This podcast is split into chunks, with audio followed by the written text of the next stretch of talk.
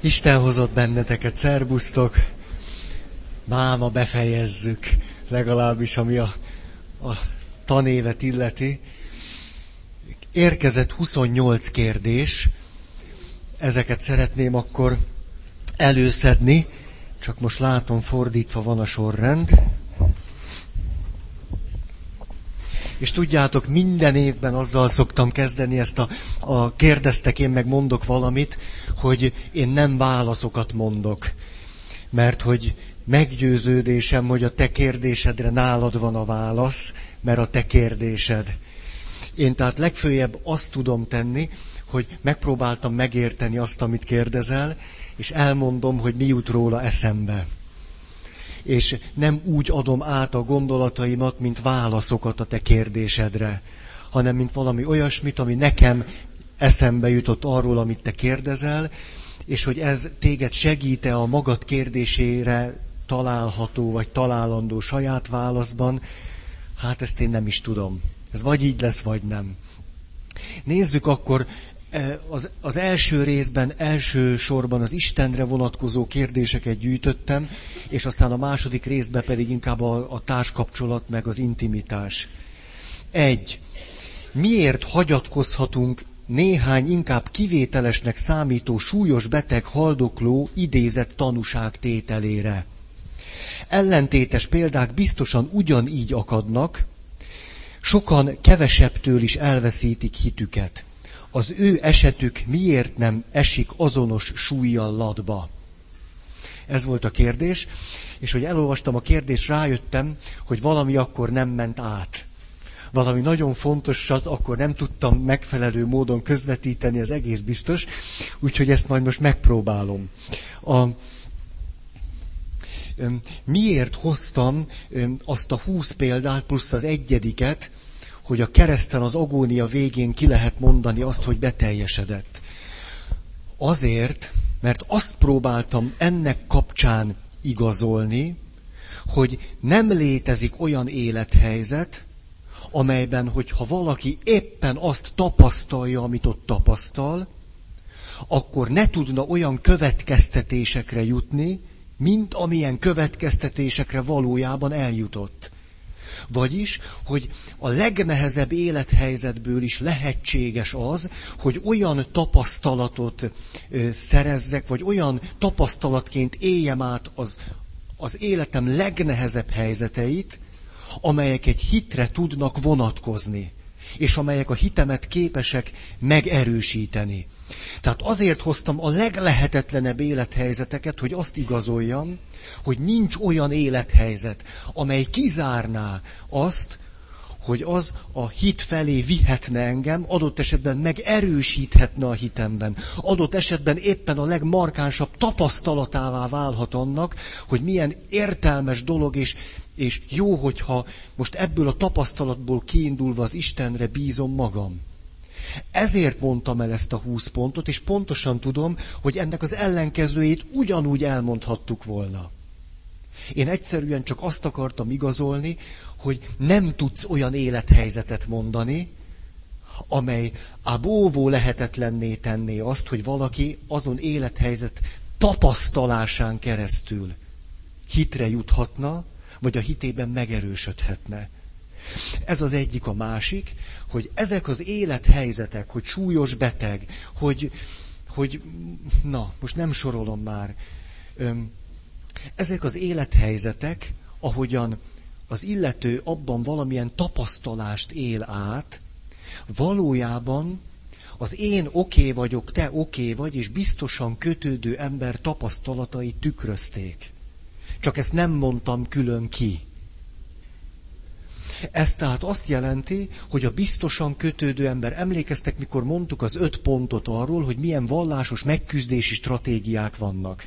És az derült ki, hogy a biztosan kötődő, és az én oké okay vagyok, te is oké okay vagy mintázattal élő ember, van hely bőven. Szerintem nyugodtan. Ugye ott azok üres helyek. Igen. Üljetek le, és élvezzétek az életet. Szóval az öt stratégiáról, mind az ötről kiderült, hogy a biztosan kötődő és az én oké vagy te oké vagy alapmintázattal élő ember mind az ötöt képes az élet legnehezebb helyzeteiben is alkalmazni, és azok spirituális megküzdésre alkalmasak.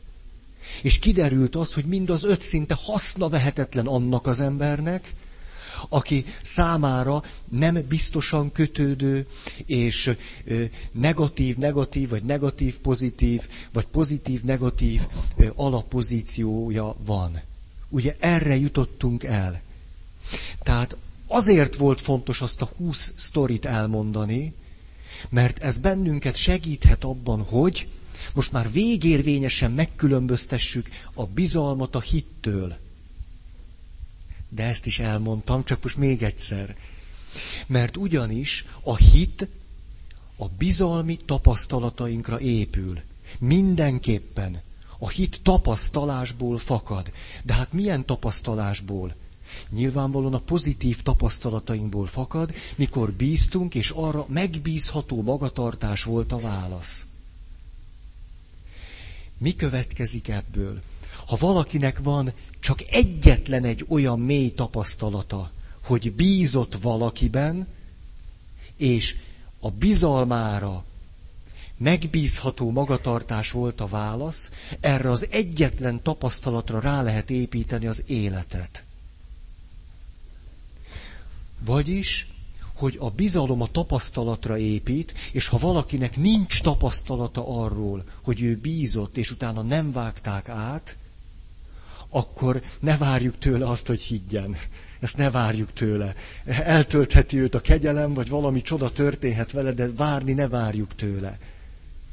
Viszont általában úgy vagyunk, hogy van egy csomó jó tapasztalatunk, meg egy csomó rossz.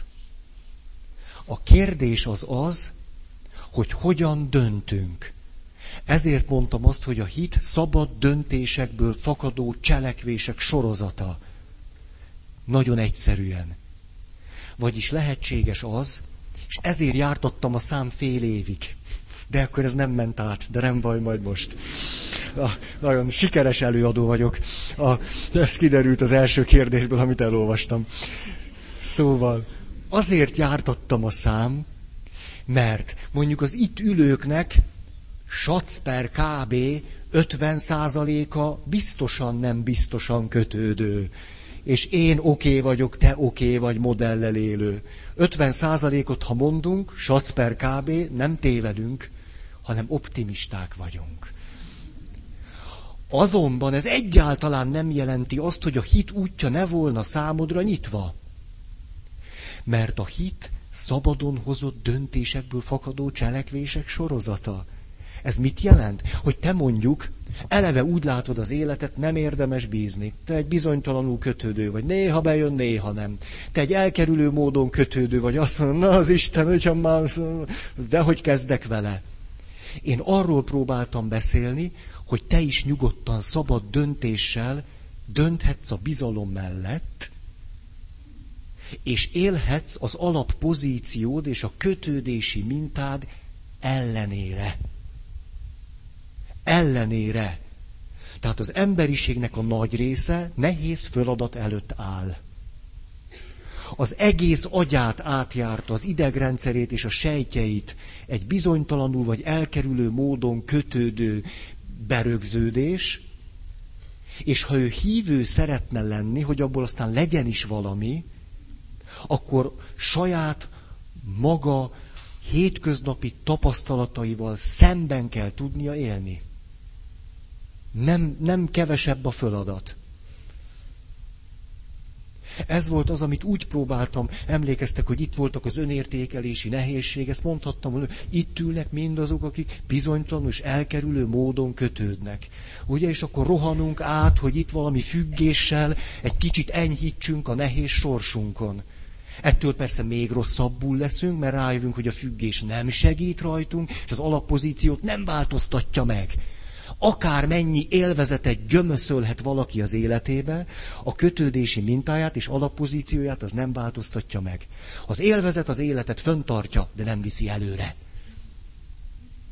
Ezért aztán visszajövünk ide, és még jobban szenvedünk.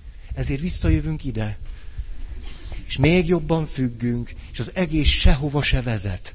És a középen van az, hogy azt mondom, a hétköznapi tapasztalataim 80%-ának nem dőlök be. És távolságot tartok attól, ami a hétköznapi tapasztalataim 90%-a. És nem hiszem el magamnak, hogy hülye vagyok. Nem hiszem el magamnak azt, hogy te egy gazember vagy. Nem hiszem el magamnak azt, hogy az életnek nem sok értelme van. Nem hiszem el magamnak azt, hogy túl sok a szenvedés és kevés az öröm. Hogy miközben a te alappozíciód és kötődési mintád ezt sugalja neked reggeltől estig, távolságot tartasz tőle, és azt mondod, hogy nem hiszek neked. Mert tudom, hogy honnan jössz. Pontosan tudom. E, ezért beszéltem az első fél éven keresztül. Hogy tudjuk, hogy honnan jön az a sok hülyeség, ami közben úgy összefonódott az énünkkel, hogy nem is bírjuk a kettőt szétválasztani egymással. Ezért tehát állandóan reflektálnunk kell és tudatosítani azt, hogy ez nem ö, ö, a valóság, amit most gondolok és amit érzek. Hogy nem ez a valóság, ez a kötődési mintámból jön meg az alappozíciómból. És a másik, hogy állandóan távolságot tartok azoktól a módszerektől, amelyek valamiféle enyhületet adnak, meg valahogy a, a jó kedvemet, meg a nem tudom, az érzelmi állapotomat folyton folyvást földobják. Ha egy kettőtől nem tudok, nem tudok távolságot tartani, ez egy nagyon komoly érzelmi munkát igényel, akkor az egész életemet leélem vakon és süketen. Ahogy az a kötődési mintám és az alappozícióm van, akkor az egész életem úgy fog zajlani. És végül úgy hunyom le a szemecskéimet, hogy na már az elején tudtam, hogy nem sok jó jön ki ebből. Mert akkor egy ilyen élet vár ránk. Tehát, hogy a meghatározottságaink alapján valahogy végig kóboroljuk az életünket. Ak- akkor én szerintem sokkal jobb, ha rájövök, hogy mi az alappozícióm, mi a kötődési mintám, és mondjuk 5-10 évig kőkeményen dolgozok magamon, de kőkeményen, hogy ne hújjak bele ebbe fejessel, meg ne hújjak bele abba fejessel. És akkor eltelik 5-10 év, és kezdesz jól lenni. Néha. Én, én nem látok más utat. Tehát, ne, tehát tényleg most lehet, hogy kiábrándító, amit mondok, vagy értelmetlenül szenvedünk, vagy értelmesen. Ez az élet mindenképpen nehéz. Most vagy nehéz és utálom, vagy nehéz, és van benne egy csomó gyönyörű dolog. Egy csomó fölemelő dolog. Van benne egy csomó meghitt dolog. De nehéznek nehéz. Olyan élet nincs, ami könnyű. Az, az, az, az, az, az, az. az. Tehát ez, ez, ez na, hogy ne, ne legyek már nagyon ilyen szerepkiosztó. Tehát aki, aki a kötődéseivel ö, dobja föl az életét, az hiheti azt, hogy na az élet legalább fél, fél órára most könnyű. És aztán jó rajta veszt. Ugye milyen optimista vagyok? Sugárzik belőlem a Szentléleknek a bátorító ereje. Én ezt, ne, én ezt ne, nem tudom, hogy most átmente. Valamennyire talán. Tehát egy évig azért, azért, azért jártattam a szám, hogy tudjuk, hogy miért gondolkodunk rosszul. Két évvel ezelőtt, vagy három évvel ezelőtt ugyanezt mondtam tulajdonképpen, amikor a parazita érzések, meg a hiteles érzések különbségéről beszéltünk. Ezért nem mondhatjuk azt csak úgy gátlástalanul, hogy bízd magad az érzéseidre. Bízd magadat a tapasztalataidra. Én ezt senkinek sem merem mondani, mert a tapasztalást már meghatározza az a struktúra, ami alapján ő egyáltalán tapasztalni tud. Ha tehát egy elkerülő módon kötődő embernek azt mondjuk, bízd magadat a tapasztalataidra, majd az megmondja, mit kell tenni. Az szép. Na, az, az jó, akkor jó, besegítettük őt a depresszióba.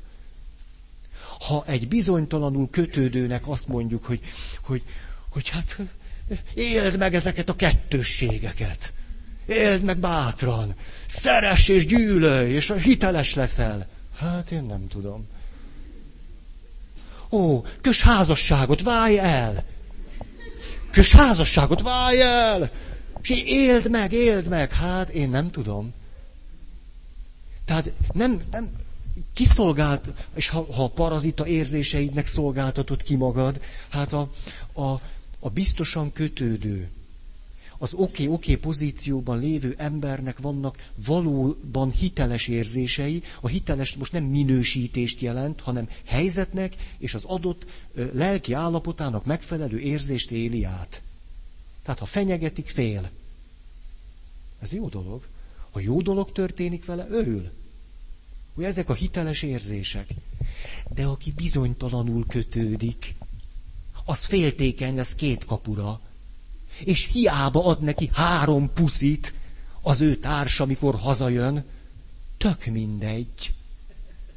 Most élj az érzéseit szerint, az hiteles, az, az, az, az szép. Hát én nem tudom. Dehogy, hát a biztosan kötődő, oké, okay, oké okay pozícióban élő embernek mondhatjuk, hogy hallgasson az érzéseire. Az összes többinek nem. De hát rendben van ez. És itt most csak azt lehet, hogy, hogy rájövök, hogy én most hallgathatok-e általában az érzéseimre, vagy nem. Aztán rájövök, hogy mely érzéseimre érdemes hallgatni, és melyekre nem. Hogy mely gondolatokra érdemes, és melyekre nem. Amikor elmondtuk a 20 pontot, végül is azt arról beszéltünk, hogy mondjuk halálos beteg vagyok, és ebből nekem az a gondolat jön ki, hogy akár mennyi ideig élek is, az életem tartalmas és értelmes lehet. Vagyis egyszerűen csak arról beszéltem, hogy egy biztosan kötődő oké-oké okay, okay ember hova jut halálos betegen. Valahova ide. Ezért, ha mi nem vagyunk ebben a pozícióban, lehet, hogy nem ide jutunk, hanem azt gondoljuk, hogy Isten büntet bennünket, vagy elhagyott, és a szeretteink se szeretnek eléggé. Eljuthatunk ide, de én, de én nem bíznám rá az életem ezekre a gondolatokra és érzésekre, na, most már csak ismétlem magam. Ó, ez talán nem, érzem én, hogy nem tudom, nem mondom valami átütően, vagy nem tudom, hát így, így tudom. Ezért van különbség a bizalom és a hit között, és ez rettentően fontos különbség. Mert a bizalom igenis a mindenféle esetleges tapasztalatainkból pattan elő. A hit azonban nem. Mert a hittel kapcsolatos döntésben szabadok vagyunk, minnyájan. És lehet, hogy az én hitre vonatkozó döntésem a tapasztalataim 90%-ával ellentétes. És attól az még nagyon is hiteles, mert szabad döntéssel tettem meg, és rájöttem arra, hogy azért teszem így, mert ahogyan egyébként élnék az érzéseim, a gondolataim és az egyéb alapján, hát abból mi jön neki? Csak a gyerekkori traumáim fognak kibontakozni. Nagyon szép lesz. Nagyon. Jó. Ugorjunk, ugye? Mert most azt hiszem még van 26 téma, és a, az elsőnek a felét sikerült elmondanom.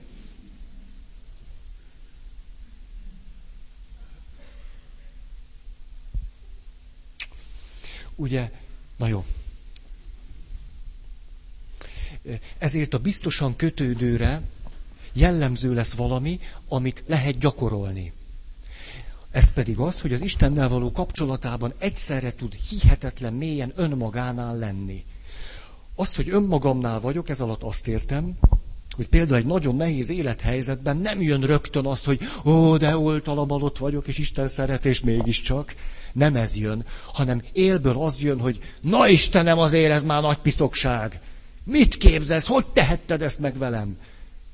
Hát attól még nekem emberi érzéseim vannak, és rátámadhatok az Istenre. Egy biztosan kötődő, mert biztosan kötődik, rátámadhat az Istenre, dühös lehet rá. Sőt, egy biztosan kötődő megengedi magának azt is, hogy az Istennel igazságtalan legyen. Csúnyán, piszkos módon. Én nekem volt egy olyan válságom, fogtam a feszületet, volt egy ilyen nagy feszületem, fából, még az anyukámtól örököltem, és fogtam, és azt a feszületet a lábánál fogva a szekrényen ízzé porrá törtem. Úgy bizony, azóta se ragasztottam össze, darab, darabokban van ott a szobámban. Hogy emlékeztessen arra, hogy levezettem a dühömet egy ártatlan valakin. A, egy, egy, végül is egy, egy képtelen igazságtalanság, egy keresztre feszített szegény Jézust széttörni a kredenc tetején. Nem? Elég nagy igazságtalanság. De hogyha valaki biztosan kötődik, belefér. Értitek? Hogy belefér. Tehát, hogy adott pillanatokban totálisan lehetsz magadnál.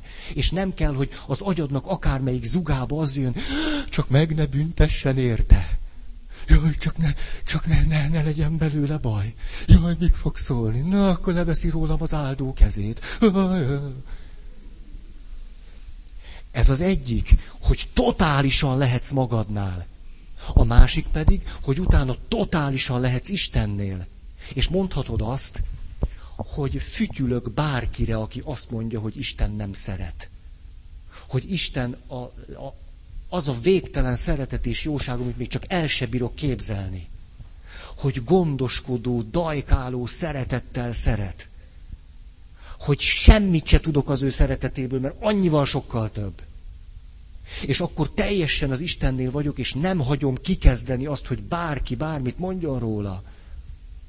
De magamat se, tehát azt se hagyom, hogy én kikezdjem, hanem bele merülök abba, hogy ú, hogy ez az Isten egy milyen jó fej tud lenni, ha én észreveszem. És itt is tudok lenni, és ott is, és itt is, és ott is, és mindezt megtehetem azért, beleértve az igazságtalanságot Istennel szemben, az elutasítást, az előítéleteimet és mindent, mert tudom, hogy a kapcsolatunk kikezdhetetlen. Vagyis attól, hogy én hülyeséget csinálok, a kapcsolat meg se rezdül. Ez benne a tök jó, hogy nincs még egy ilyen kapcsolatunk. Mert igenis, sajnos, minden kapcsolatot tönkre lehet tenni. Ami két ember között van kapcsolat, mindent tönkre lehet tenni. Mert emberek vagyunk.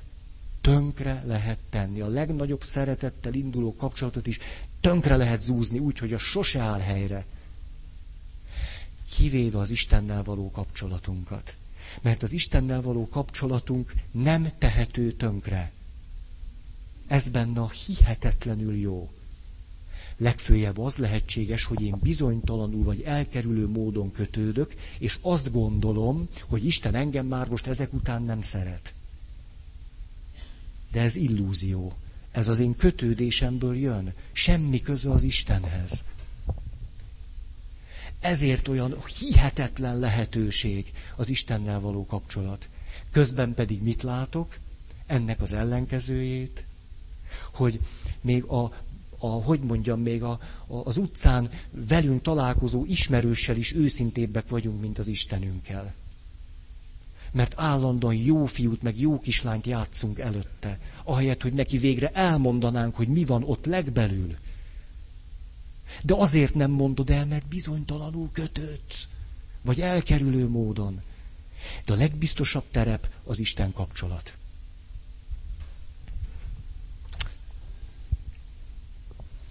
Második kérdés. Tudok gyorsabb is lenni, majd belehúzok. Mit jelent, hogy Isten bennünk van? Az Isten kép van bennünk, ahogy az anya képe? Is is Nincs ember, akinek ne lenne Isten képe. Erről sokat beszéltem már. Négy-öt éves gyerekek, kutatás, mindenkinek van Isten képe, akkor is, hogyha az anyukája, apukája sose beszélt neki arról, hogy van Isten. Istenkép nélkül nincs ember, legfőjebb olyan van, hogy az Istenkép nem tudatos. Annál nagyobb a baj. Mert egy nem tudatos Istenkép még erősebb hatást gyakorol ránk, mint egy tudatos. Ezért nagyon érdemes rákérdezni, hogy milyen az én Istenképem. Mert mindenképpen hat ránk. Egyébként pedig én egy olyan személyiség modellben gondolkodom, hogy a személyiség középpontja a Szentlélek. Én ebben gondolkodom. Ami azt jelenti, hogy én nem vagyok Isten, az én nem egyenlő a Szentlélekkel, mert a személyiségnek csak egy felszínes kis, de nagyon fontos része az én. De az én itt bennem, a személyiségemben képes kapcsolatot találni a Szentlélekkel. Ezt most nyugodtan, Szentlélek, nem Szentlélek Istennel. Tehát ugye a Teremtő és mindenható Isten nehezen fér itt el. A Szentlélek jól elfér. Komolyan, komolyan kompatibilis.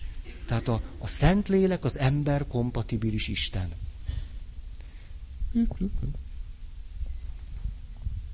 Három. Mit tehetek, ha semmilyen Isten élményem nem volt? Lehetetlen.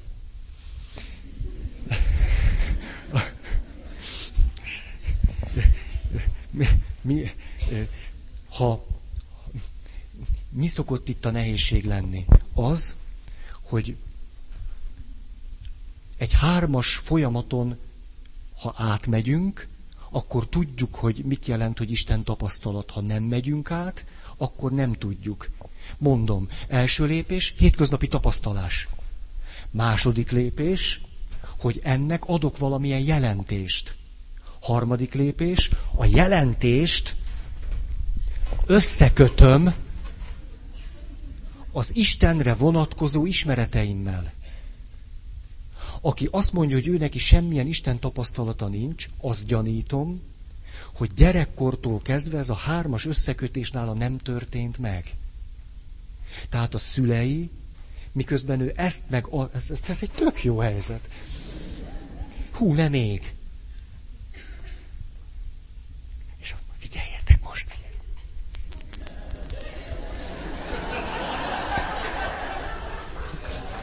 Na, szóval az, az történik ilyenkor, hogy egy gyereknek akkor lesz felnőtt korában nagyon sok tudatos Isten tapasztalata, hogyha ő neki gyerekkorban segítették azt, hogy a tapasztalatai olyan értelmezést kapjanak, amely összefüggésbe tud kerülni egy pozitív Isten képével. Érthető? Ez nagyon egyszerű. Nagyon egyszerű. Emlékeztek, hogy mi van, mi történt vele Zsuzsika. Az óvodában az történt, hogy csúfoltak a vörös hajam miatt. Mire azt mondja az apuka, adok neked két puszit, te drága, mert nagyon szeretlek téged, gyere, odaállunk a tükör előtt, elé, és ha belenézünk a tükörbe, én a világ legszebb zsuzsikáját látom, aki itt visszanéz a tükörbe, és tudod, a Jóisten is így szeret téged, ahogy most vagy, vörös hajjal. Akkor tehát a kisgyerek tapasztalatát összekötöttük egy értelemadással, amely megfelelt egy pozitív Isten képével. Ha egy gyerekkel ezt sokszor megtesszük, felnőttkorban lesz neki egy csomó Isten tapasztalata. Ha gyerekkorban nem tesszük meg, jó rápacsázott.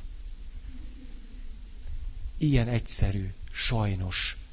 Sajnos. Felnőtt korban tehát azt lehet tenni, hogy ami gyerekkorban elmaradt, elkezdem csinálni. Kőkeményen. Mit tapasztaltam? Milyen jelentést adok neki? Megfelel egy pozitív istenképnek? Ezt a folyamatot azt tudja segíteni, találd meg a csúcsélményedet. Három évvel ezelőtti előadások. A csúcsélmény az, amikor ilyen kegyelemszerűen átélem azt, hogy minden oké. Okay Ennél jobban nem tudom ezt megfogalmazni. A csúcsélményből kiindulva megtudhatod, hogy milyen lehet akkor Isten. Amilyen a csúcsélményből nézve az Isten, olyan ő. Annál sokkal jobb, de ez egy munkahipotézisnek jó lesz. Tehát a csúcsélményben megtapasztalt Isten kép kell összekötni az értelemadást és a tapasztalást. És ezt kell csinálni egy-két évig. Hát lefogyni se lehet gyorsabban. Attól függ mennyiről. Ezt a legkomolyabban mondom, hogy most ezek ut- most nagyon ilyen izé leszek, hogy nekem ne jöjjetek, hogy nincs Isten tapasztalatom. Dolgoztál két évet vele, vagy nem? Minden nap.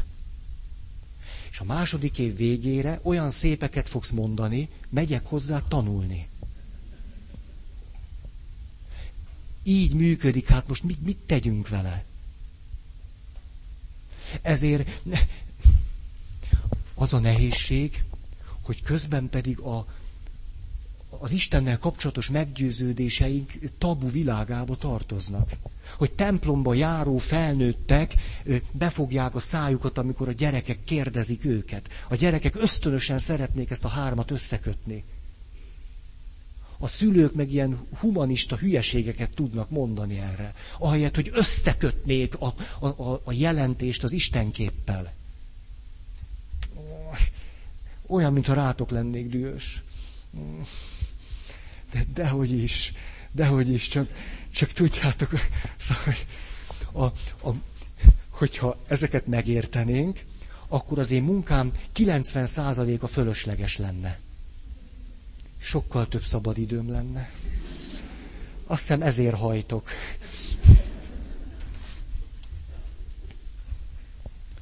Tehát nagyon sokat tehetsz azért, hogy legyen Isten tapasztalatod. Az Istenen nem múlik, rajtad múlik. Tapasztalat, jelentés, pozitív Istenkép. Pozitív Istenkép a csúcs tapasztalatból levezethető. Készpassz, dolgoz. Négy. Én egy negatív, pozitív fölfedező vagyok. Tehát én nem vagyok oké, te oké vagy, és fölfedező. Meg szeretnék változni, de mélyen gyökerezik a személyiségemben ez. Ha sikerülne megváltozni, úgy érzem, már nem is én lennék. Nem lehet, hogy Isten direkt ilyennek teremtett? Nem. Mehetünk tovább.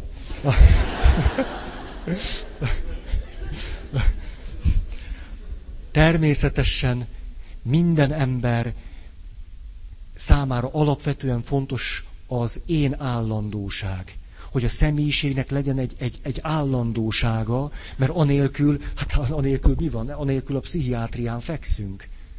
Tehát, na ná, hogy amikor rájön valaki, hogy jé, ilyen mintába vagyok, és közben pedig eh, a tanulási folyamatban ez az erősségem, az a gyöngeségem, hogy akkor ez összekötődött az én tudatommal, azzal a képpel, amit magamról alkottam. Hát na ná, hogy összekötődött, hát eddig így éltem, így szemléltem mindent.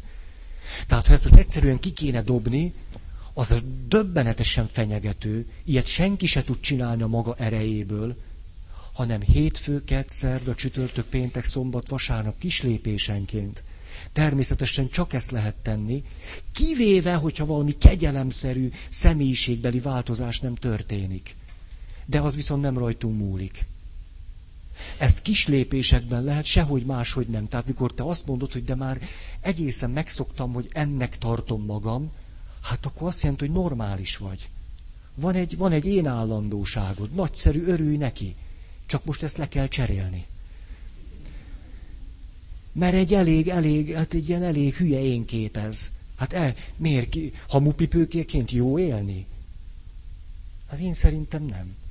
Nem, tehát az egy, lehet, hogy vagy életen keresztül hamupipőke én képpel él, akkor végül azt mondja, megvan az én állandóság, ki, megcsináltam.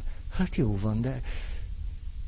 Ó, tehát megértem, tök nehéz, lehet belőle gyógyulni.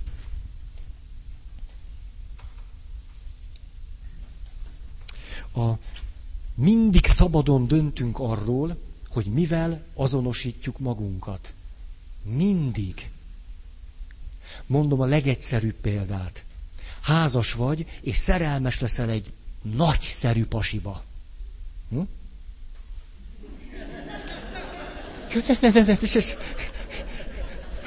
Tehát szerelemre gyúlsz, És azt érzed, hogy hát de hogy a férjem az igazi, ez. A férjem felé alig érzek valamit, de ez a pasi. Tehát szinte minden abba az irányba mutat, hogy ez az új, ez igen, ez, ez, ez, ez, ez, erre felé mutat az én.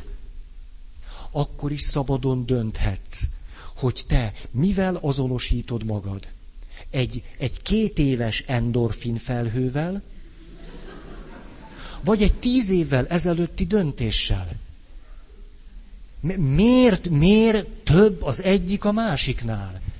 Mivel? Mi, miért kéne azt gondolni, azért, mert most ezt érzem, ezt kellene csinálnom. Miért? Ezt ki mondja? Ki mondja ezt? Hát én ezt ne... De a világ ezzel tele van, hogy a, a leg... A legnagyobb piszokság az, ami a homoszexualitás terén történik. Az a legnagyobb merénylet a, a ma embere ellen ezen a téren. Mert valaki bemegy a pszichiáter, és azt mondja, ó, én, én, hát én nekem homoszexuális vágyaim vannak. Homo erotikus fantáziáimat ismertem föl. És ha visszamegyek hat éves koromban, tíz éves koromban, tíz, mit, akkor jött az első. És ma az a trend, hogy, hogy olyan szemlélet, vagy sugalat, vagy akár micsoda van, hogy ja, hát ha most ezt fölismerted, éld meg, hát akkor nyilván az vagy te. Micsoda marhaság ez.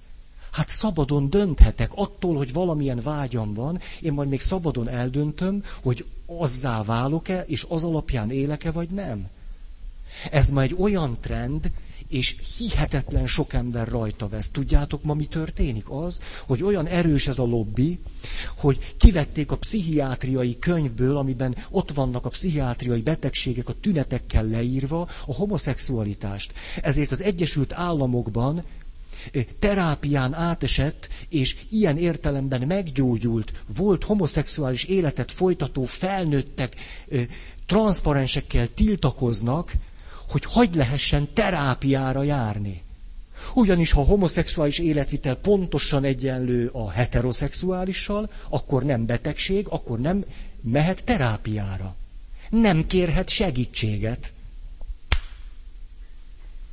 Ma itt tartunk, és az, hogy itt tartunk, ennek egy olyan szemléletmód a következő, hogy azért, mert föl van neked egy ilyen késztetésed, akkor te az vagy. Hát ez nem akartál már embert megfojtani? Ezt én nem is értem. Hát, én, hát ha én, én mindent megéltem volna, amire úgy, úgy...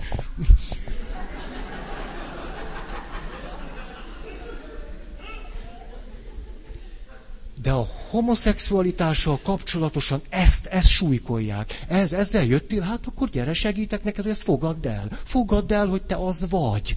Ez ki Uh. Németországban van egy intézet, ezzel, ezzel foglalkozik, Németországban az egyetlen ilyen intézet. A világon is nagyon kevés ilyen van, hogy kifejezetten ö, ö, homoszexuális ö, életvitelt folytató, vagy azzal küzdködő embereknek a segítésére szakosodott.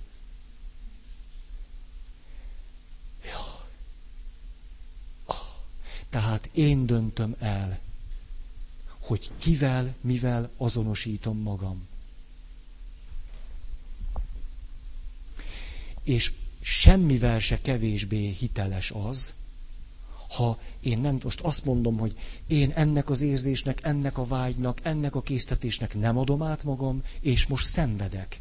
Ez mitől hiteltelenebb annál, mint amikor átadom magamat egy késztetésnek, és ez, én nem értem, hogy miért kellene ezt hiteltelenebbnek tartani, és miért hitelesebb az, hogy valaki ösztönösen él.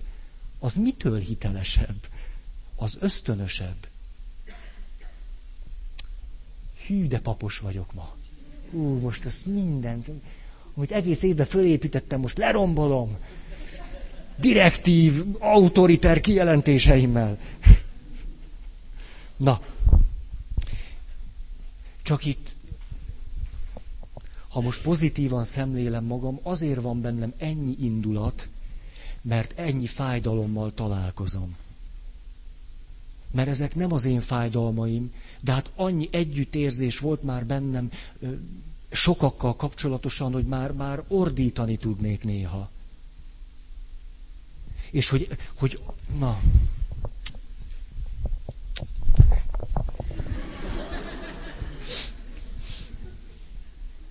boldogok a békesség kedvelők. Mit csinál Isten minden napjaiban?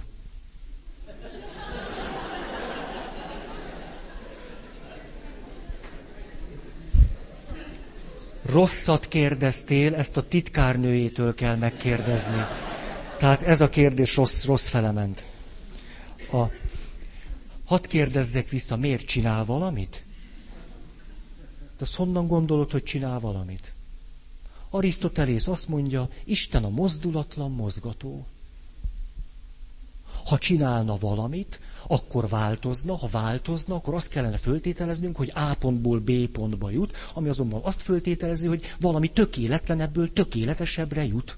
Az Isten azonban tökéletes, ezért mozdulatlan. Állandó. A másik oldal, amit Moreno mond, Isten maga a szintiszta kreativitás. Isten maga a szintiszta cselekvés. A totális, folyamatos megvalósulás. És a kettő egyszerre igaz. És egyik se. Mert annál sokkal több. És aztán, mi, hogy Isten mit csinál minden napjaiban? Vannak minden napjai? Isten örökkévaló. Múlt, jelen, jövő egy. Nincsenek minden napjai. Egy napja van, csak hosszú ideig tart.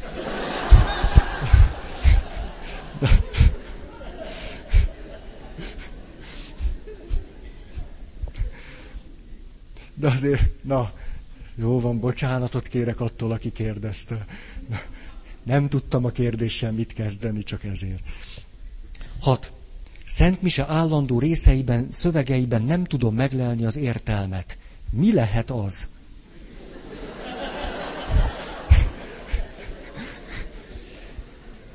Lehet, hogy így kell elfogadnom? Lehet. Az is lehet, meg az is lehet, hogy, hogy nem maradunk meg itt. Tehát például, hát a, szóval ezt én úgy szoktam mondani, a liturgiában hozott anyaggal dolgozunk a liturgia tűzhelyén hozott pecsenyét lehet megsütni. Ez azt jelenti, hogy a liturgiának akkor van, a rítusnak akkor van jelentése, értelme, ereje, mit tudom én milyen, ha én is odahozom magam, és nem csak Istentől várom, hogy ő hozza oda magát. Ez azt jelenti, hogy a rítus akkor fejti ki a hatását, ha én is beleteszem magam, apait, anyait oda teszek akkor Isten is beleteszi az apai. Ő mindig beleteszi, csak én nem. Ha, ha az Isten fiának az életútja és az én életutam találkozik a rítus közben, akkor velem történik ott valami. Itt aztán nagyon sok irányba elmehetünk, hogy mit lehet csinálni. Például föltárhatjuk a Szent Mise állandó részeinek, szövegeinek a mély tartalmát, abból a szempontból, hogy mi az én viszonyom ezekhez a tartalmakhoz. Mit, mit gondolok arról, hogy Isten báránya, mit gondol, hogy nem vagyok, Uram, méltó, hogy hajlékomba jöjj. Mondatról mondatra, szóról szóra, kifejezésről kifejezésre a, meg kellene állapítanom a szöveghez a viszonyomat. De nem a, a racionális, teoretikus viszonyomat, hanem a személyes, érzelmi, életútbéli viszonyomat. Azután a szimbólumokat, az ott használt anyagokat és tárgyakat is a, a személyes tapasztalat szűrőjén át kellene ereszteni. Mit jelent nekem az, hogy tűz, hogy víz? Mit jelent nekem egy kiterjesztett kar? Mit jelent nekem egy csók? Mit jelent nekem egy térdelés, egy meghajlás? Nem Istenen múlik. Tehát az, hogy a rítus vagy a liturgia személyes legyen, ez hihetetlen módon az én lehetőségeim között van. Ez az egyik. A másik, a hitnek vannak fejlődési lépései. A felnőtt hit az az úgynevezett racionális és individuális hit. Ilyenkor az ember ösztönösen is eltávolodik a, a, az irracionálistól, a, a misztikumtól, és akkor nagyon pragmatikusak leszünk, és nagyon cselekvők, és, és az érdekel bennünket, ami az eszünknek szól. A Szent Mise legfontosabb része a szentbeszéd, az összes többi ilyen kolonc. Ez a hit fejlődésének egy kihagyhatatlan lépése. Ha valaki ebben a fejlődési fázisban van, akkor csak legyen még egy ideig. És majd akkor ezt ki lehet nőni. Akkor szinte nincs mit tenni, csak csinálni, csinálni, ahogy ez megy. A másik, most nézzük meg mondjuk így, hogy mi felőlünk, minden szimbólum, minden rítus, minden liturgia kiüresedhet. Valóban, valóban minden szimbólum kiüresedhet, semmit mondó lehet és unalmas, ezért valójában az lenne a dolgunk, hogy állandóan a, a, a, a hétköznapi életünkkel össze tudjuk kötni a liturgiának az elemeit. Ezért, ha azok teljesen kiürültek, nagyon bátran ki kellene dobni egyet-kettőt belőle, és betenni egy-két újat. Bátran. Erre azonban nem biztos, hogy a Szent Mise a legjobb fórum. Nagyon sok áhítatot, imádságot lehet olyan gazdagsággal, színességgel, mit tudom én, mivel tartani, hogy akkor lesz egy csomó jó élményünk, hogy mit jelent a rítus. Hát olyan jó dolgokat csináltunk már életünkben, hogy á, most elkezdeném mondani, sose lenne vége.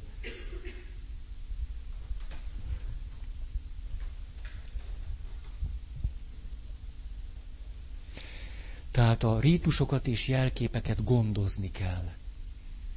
A, a papnak is, az egyház vezetőinek is, de az egyes embernek is különben valóban nem lesz jelentése, és üres lesz. Ha pedig üres lesz, akkor neurotizál. Egy ismétlési kényszerre vezet rá. Nem sok teteje van.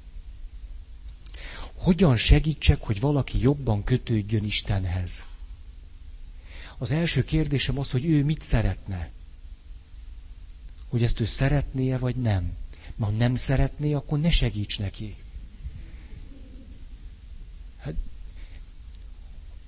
ha szeretné, hát én megnézném, hogy, hogy milyen az Isten képe. Mert majdnem biztos, vagyis száz százalék, hogy torz Isten képe van. Mert ha eddig nem puszipajtás valaki egy jó Isten képpel, akkor az azt jelenti, hogy torz Isten képe van. Egy jó Isten képhez mindenki szívesen kötődik, nem? Ha valaki bebizonyítaná neked, hogy ő az igazi, már lehet is házasságot kötni. Tehát az igaz Istenhez mindenki tök szívesen kötőd, de a bajunk vele az, hogy nem az igazi Istent látjuk, hanem ezért tehát, ha eddig nem kötődtél hozzá, föltehetően azért, mert normális vagy. Ugye? És egy hülye istenképhez nem volt kedved kötődni. Nagyon okos vagy, jól csináltad, tarts ki! Tehát azt lehetne tenni, hogy megnézni, hogy hol van annak az Istenképnek sok-sok torzulása, amihez józan hitérzékkel nincs kedved dölgölözni, és az Istenkép fejlesztése után lehet egy jó Istenképpel. Hmm. Ezért nagyon-nagyon veszedelmes az embereket kiszolgáltatni a saját Istenképüknek. És azt mondani nekik, mint a szocializmus alatt, hogy húzzatok bele, nyomassátok a kommunista szombatot és nőtt a hiány. Sikerült a veszteségre még két lapáttal rátenni.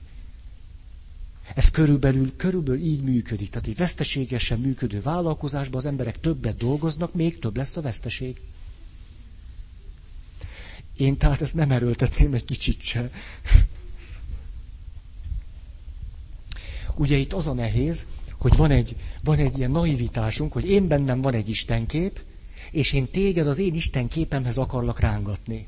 Ugye? Vedd már észre, hogy Isten szeret téged, ne, higgyél már benne. De ő benne nem az van. Tehát a segítség az az, hogy őt közelebb visszük a benne meglévő pozitív Istenképhez, ami lehet, hogy nagyon fejlesztésre szorul, és ennek az a következmény, hogy nagyon gyakran azt vesszük észre, és ez nagyon nehézé teszi a gyakorlatot, hogy egy bizonyos helyzetben Isten nekem mond valamit. Én ezt szívesen elmondanám neked, de nem mondom el, mert az Isten nekem mondta erre a helyzetre, és ugyanerre a helyzetre neked, a te Istened még mást mond. Egyik se jobb a másiknál, csak személyre szabott. Ezért szinte tökéletesen értelmetlen szentírással közlekedni az utcán. Lehet, lesz gerincferdülésed, meg jó, nehéz, ú, ú, ú. Nem, nem kell az. Nem kell az. Tehát azért, mert neked volt egyszer egy szép élményed, és akkor pont azt olvastad egy nehéz helyzetben, hogy, hogy enyém vagy, ma szültelek téged. Jó, ez a, ez, a te, ez a te élményed, a te Istenedről. Hát ne, ne állíts már meg minden embert az utcán, és tukmáld a te... Oké okay, ez? Nagyon, de ezt, ezt a gyakorlatban nagyon nehéz megcsinálni, mert egyébként is tele vagyunk egy csomó jó tanácssal, amit mi magunk se tudunk megtenni, de a másoknak nagyon-nagyon szoktuk mondani. Ennél egy fokkal jobb vagy rosszabb az, amikor nekem valami valamikor bejött, és azt mondom, hogy ezt kell csinálnod. És hol vagy akkor te? Akkor az egész történet rólam szólt. Jé, tehát ez egy...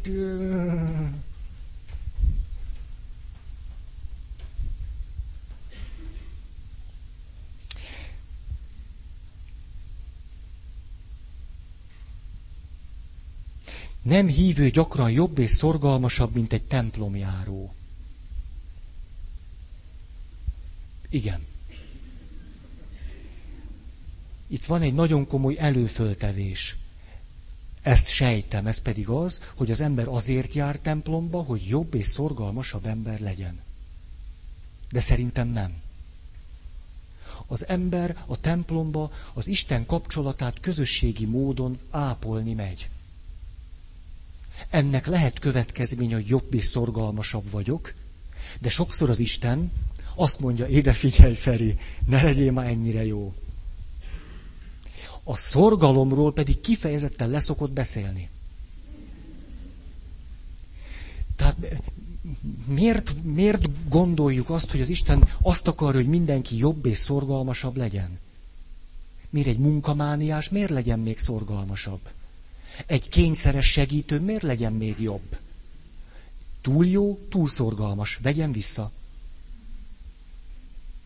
Ó, ha én a te...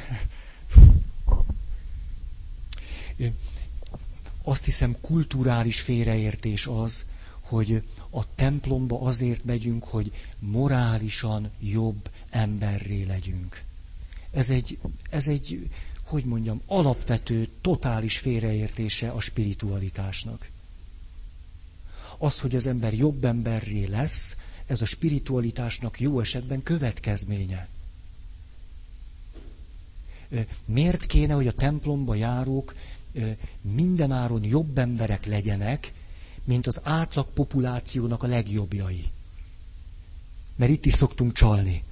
Ugye, tehát a templomjárók, nem tudom, átlagát a náluknál néhány jobb emberrel szoktuk összehasonlítani, és azt mondjuk, hogy na, azok sokkal jobbak. Hát néhányan. Tehát a templomba az ember nem azért megy, hogy jó kisfiú legyen. Ne, egyszerűen nem azért megyünk. Az csak annak gyümölcse.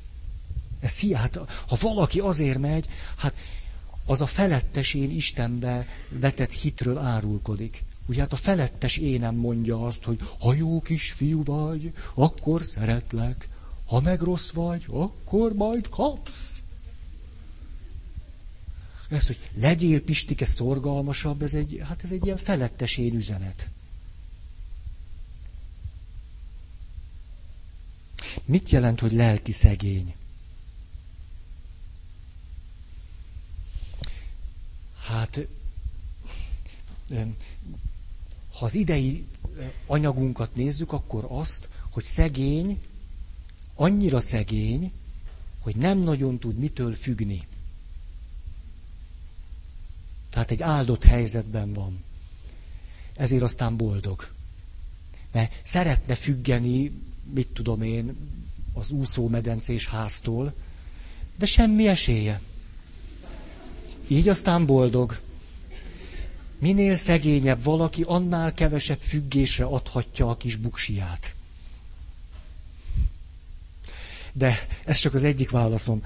A másik, hogy a lelki szegény, ez most az én, én gondolatom erről, az, hogy fölismeri a szegénységét, ami arra utal, hogy az Istennel együtt tud csak boldog lenni.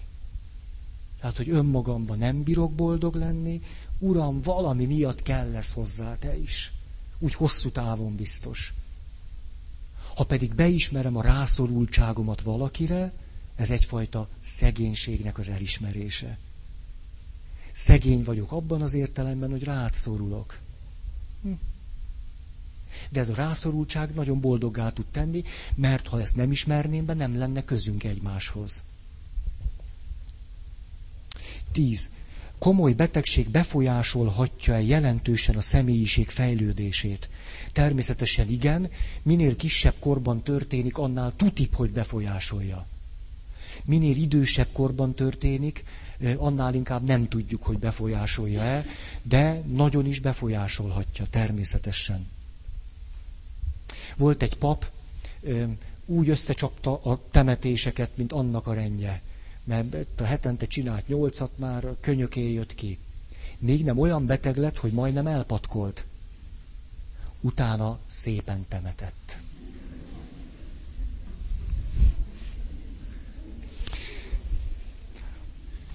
A betegséget fölfoghatjuk-e jelnek? Föl de nem muszáj annak fölfogni. Tudjátok, ez megint egy lélektani működésmódra világít rá, amikor valaki beteg, főleg ha nagyon beteg, általában kiszolgáltatott. Általában talajvesztett sok szempontból, és mondható rá az, hogy tehetetlen. Mi történik akkor, amikor egy ilyen lelki állapotban vagyunk? Keressük a kapaszkodót. A kapaszkodó azonban annyira szükséges, hogy átkapcsolunk, amikor valaki nagyon tehetetlen és nagyon kiszolgáltatott, és nagyon fenyegetve van, átkapcsolunk irracionális működésmódra. Vagyis bármibe belekapaszkodunk, ami csak egy picit is úgy tűnik számunkra, hogy bele lehet kapaszkodni. Ezért lehetséges az, hogy egy beteg ember a legapróbb dolgokban is jeleket vél fölfedezni mert átkapcsolt irracionális működésmódra. Ez egyszerűen a psziché egyensúly kereső ö, működése. Ez azonban nem jelenti azt, hogy adott esetben ne tenné jól, ha teljesen profán hétköznapi eseményekben jeleket vél látni. Mert hiszen azon keresztül erőforrásokhoz juthat. Semmivel se nagyobb önáltatás valamit jelnek tartani, és az alapján megerősödni, mint valamit nem tartani jelnek, és bizalmatlannak lenni. Mitől, mitől lenne jobb vagy, vagy hitelesebb? Egyébként is így működünk, ugye? Ezt úgy szoktuk, hát szoktuk, én nem, de sokan úgy szoktak, marha nagy bajba vagyok, fölütöm a szentírást, kinyitom és bökök ez egy ilyen sajátos megoldása ennek. Tehát már átkapcsoltam irracionális működésmódra, bögtem, tök mindegy, mi van ott. Általában azonban a jel értelmezése az alappozíciónk és a kötődési mintánk alapján szokott történni. Tehát aki elkerülő módon kötődik, egyszer csak Isten fenyegetését veszi észre, aki meg biztosan, annak meg jó jelei lesznek. Na. De lehet jelnek tekinteni, csak mindig vizsgáljuk meg, hogy jó jele vagy rossz. Ha rossz, dobjuk ki. Ha jó, mondjuk azt, ó, igen.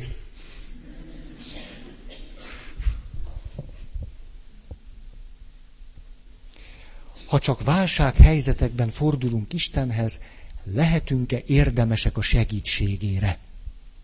Nem érdem kérdése sosem volt érdem kérdése, és ezután se lesz. Lehetsz nagyon rossz, akkor is segít. A, a kérdésből valami olyasmi jön számomra, hogy aki azt kérdezi, hogy ha, ha rossz kisfiú vagy rossz kislány vagyok, akkor nem leszek érdemes Isten segítségére, ez egy nagyon sajátos, sajátos alappozíció. Az egyik oldal mindenképp negatív, de lehet, hogy mind a kettő.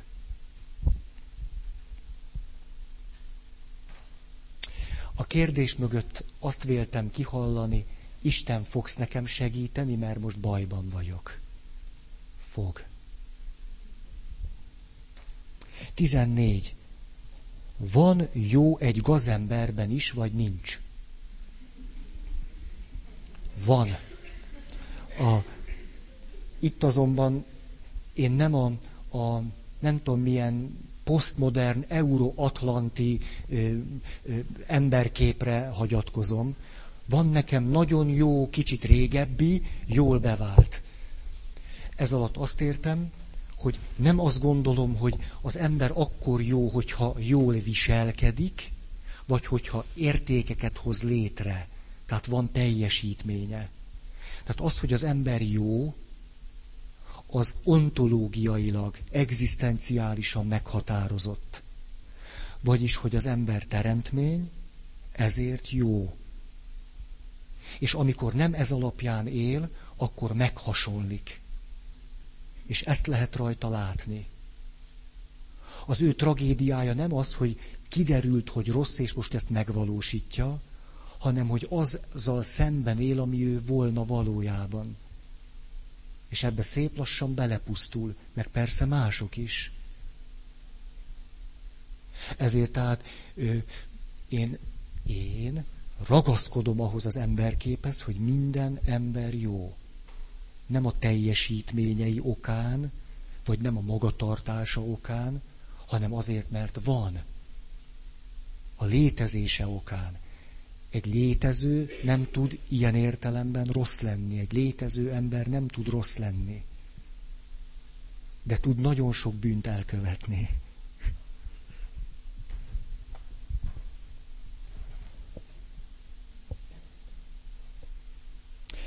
Ellenem elkövetett vétket meg tudom bocsájtani, de más ellen elkövetett bűnt nem. Mi van ezzel? Erről azt hiszem két évvel ezelőtt beszéltünk.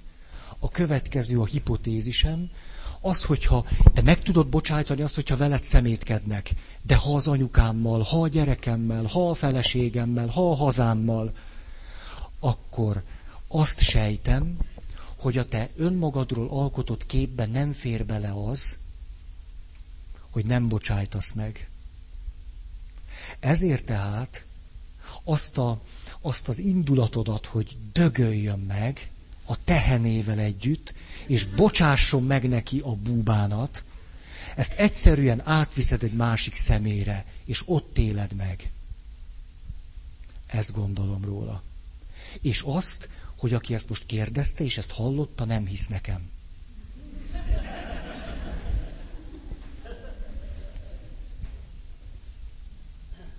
Tizenhat. Miért nem imádkozunk úgy is, hogy leborulunk a földre? Miért hiányzik ez a mostani keresztény kultúránkból? Nem hiányzik a keresztény kultúránkból, bár az európai kultúrából hiányzik. Nagy pénteken borulunk le, meg papszenteléskor borulunk le, mind a kettőt a pap csinálja. Nagy piszokság. A, emlékeztek talán x évvel ezelőtt kérdeztem, hogy el tudtok-e képzelni egy papszentelést félmeztelen nők tánca közepette. Hm? Jobb, ha el tudjátok képzelni, mert hogy most is van.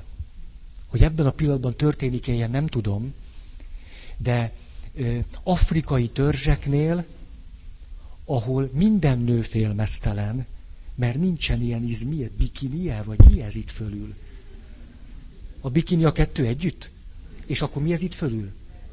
Az a melltartó. Hát, csak így. Ez, ez, most, most erről eszembe jutott. Azt, a, kereste a gazda a macskáját. És akkor azt mondja, hogy cicim, hol vagy?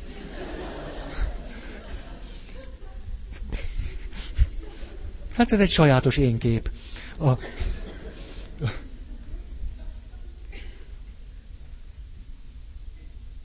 Tehát nyugodtan le lehet térdelni, le lehet borulni. Én mindenkinek ezt nagyon ajánlom. Nagyon, nagyon. Én magam is gyakran teszem. Hindu testvéreimnek köszönhetem. Rá vezettek engem, hogy ez milyen tök jó dolog. Ó, mikor az ember elterül, leborul, homlok a földre, ó, Muzulmánok is tudnak valamit. Nagyon, csak bátran. Azt gondolom, ennek az az oka egyébként, hogy a, a kereszténységünkben túl sok a kultúra, és kevesebb a természet.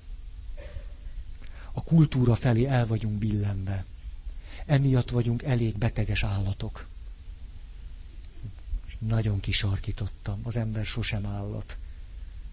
De a bennünk élő természet nagyon kéri a jussát. Vagyis le kéne borulni. Mekkora bűn az, ha valaki évente négyszer gyón, de rendszeresen áldozik. Se a gyónás, se az áldozás nem bűn. Azt, azt hiszem, ebben vagyok a legbiztosabb a mai este.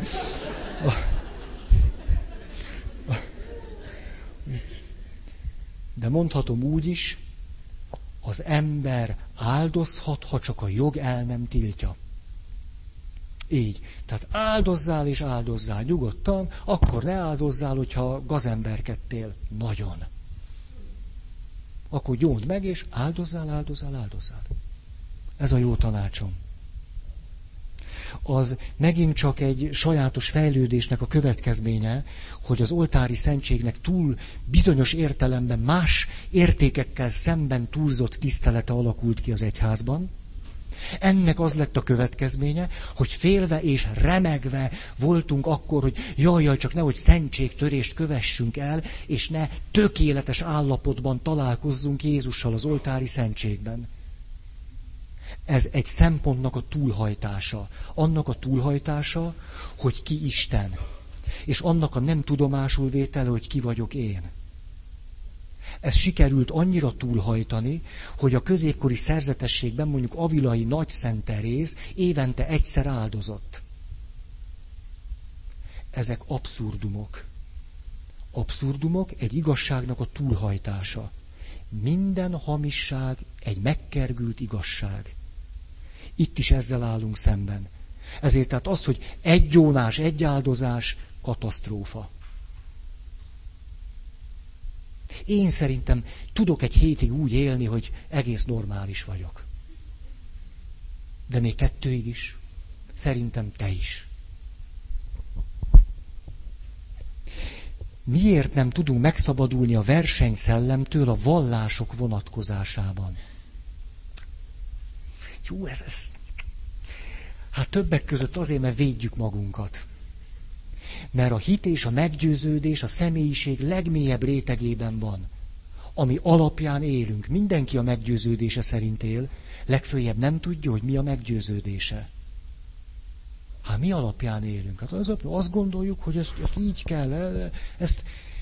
Vagyis, hogyha nekem az a meggyőződésem, hogy, hogy az Isten nemet úgy hívják, hogy Jahve, akkor ne hívják, hogy, hogy Allah, Ugye, és mintha az ember a meggyőződése szerint él, és arra ráteszi az életét, és legszívesebben a meggyőződésünkhöz sose nyúlnánk hozzá, ezért aztán hihetetlen macerás az, hogy mások meg ugyanolyan normálisak, és azt mondják, hogy Allah. Vagy azt mondják, hogy Visnu. Ú, ez roppant fenyegető ránk nézve. A versenyszellem tehát azt gondolom a félelemből adódik. A félelemből és a kihívásból adódó bizonytalanságból. Pedig azt, hogy most a, a, a, a világvallások összeérnek, ezt hihetetlenül előnyünkre lehetne fordítani, és nagyon sokat tudnánk gazdagodni egymásból, miközben megtarthatnánk a sajátosságainkat. Merjünk különbözni. Ah. Na jó. Mi a helyzet a meditációval? Egyszer negatív értelemben említetted. A meditáció tök jó dolog, az a kérdés azonban, hogy milyen célból csináljuk. Olyan értelemben beszéltem negatív összefüggésben róla, hogy egy hedonista spiritualitásnak a részévé vált.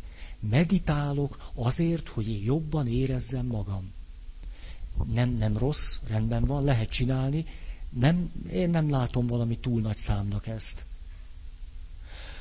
a keresztény megfelelője a meditációnak a szemlélődő imádság. Már pedig az imádságnak nincs célja. A szemlélődő imádságnak meg aztán 25-szörösen nincs. A szemlélődő imádság célja találkozás Istennel és a vele való együttlét.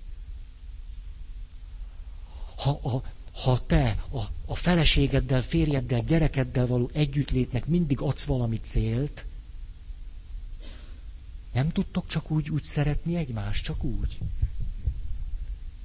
Az nagyon nagy baj, hogyha az imától az ember mindig vár valamit. Ez nagyon nagy baj. Mivé tesszük akkor Istent? Hát a, hát a szerelmes csodálkozik arra rá, hogy egyszerűen csak nézi azt a másikat, és, és tök jó, és nem, nem vár sem, csak nézi. Hát nem tudom én, kiülsz a Dunapartra, és bámulod a Dunát. Vársz tőle valamit? Hát nem várod, ne csak elmész kirándulni, ott a tenger, és megy a hullám, és valami nagyon-nagyon fontos dolgot csinálsz éppen. Hát az Istenben nem tudunk belemerülni úgy, mint a tenger zúgásába. Hát, csak a... Jaj, jaj. Híha. Két perc alatt nyolc válasz. Hogy vehetem észre, hogy ismerősöm öngyilkosságot tervez? Ez nagyon, ez nagyon komoly kérdés. A, ö, cry for help. Keresd ezt. Minden öngyilkosságot tervező ember nagyon finoman a maga szimbolikus nyelvén kifejezi az ebbéli szándékát. Minden szavam fontos volt.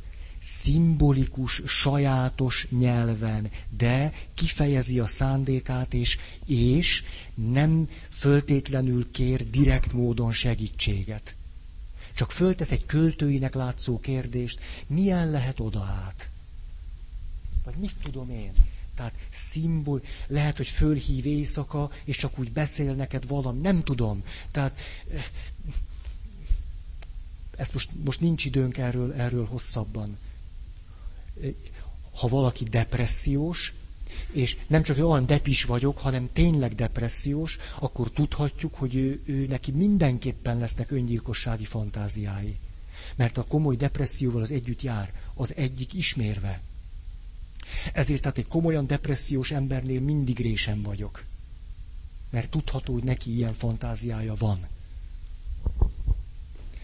depresszióból kivezető első lépés mi? Azt, hogy belátja, hogy saját erejéből innen ki nem jön. Akaraterő kevés, összeszedem magam kevés. Pszichiáterhez kell menni. Nincs mese. Nincs. Tehát nincsen, na, egy komoly depresszióból te sose jössz ki egyedül. Egyszerűen azért, mert olyan fiziológiai, biokémiai változások történtek, hogy ehetsz akármennyi vitamint, meg akármennyi Balatonszeletet, az... Melyek a lelki előmélyülést elősegítő módszerek? Két alapvető módszer mindenképpen van, relaxáció, koncentráció. Igazából elmélkedő, szemlélődő imádságot nem képes végezni az, aki nem tud ellazulni és koncentrálni. A kettőt együtt pedig úgy hívják, hogy ellazult koncentráció. Ténylegesen a feszült koncentrációval szemben, ami a sportolókat jellemzi. E kettő nélkül nincs, nincs elmélyült ima élet. Ugyanaz a személy egyszerre szemét élősködő másokat kihasználó, ugyanakkor élelmes és leleményes. Hogy is van ez? Így.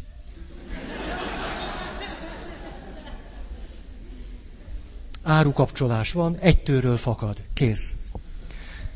Egy titok, amely nem kettőnkről szól, közénk állhat-e a házas társammal? Igen. 26. Most elment az idő. Itt rengeteg mindent írtam föl, de nincs rá idő. Honnét, csak azt akarom minden kérdésre válaszoljak. 26. Hát, hogy ilyen befejezett érzésem legyen. Honnét tudja meg, hogy a gyerekem milyen kötődésű? Ez nagyon egyszerű. Nézd meg, hogy mit gondol magáról, meg mit gondol rólad. Ha azt gondolja, én is oké vagyok, te is oké vagy, anyuci, apuci, akkor biztosan kötődő. Ha azt mondja, anya, te olyan jó fej vagy, én meg egy hülye vagyok, akkor hamupipőke. Ha az, most akkor a többit nem ragozom, ezt már elbeszéltük. Állami gondozásból örökbe fogadott gyermekemet fogom-e tudni kompenzálni élete első három évéért? Sok mindent lehet érte tenni, de nem hiszem, hogy kompenzálni kellene, főleg neked. Ne vegyél magadra túl nagy felelősséget, mert nem a tied. Az első három életévért nem te vagy a felelős, hanem valaki más volt, te a harmadiktól kezdve vagy felelős. Ne vegyél magadra többet, létszi, létszi, létszi, létszi, mert nem jön ki belőle jó. 28. Miért rúgtak ki a papneveldéből?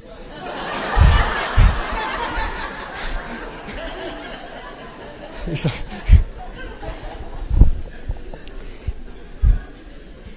Erre is tudnék gyorsan válaszolni, de oda volt írva, hogy részletesen.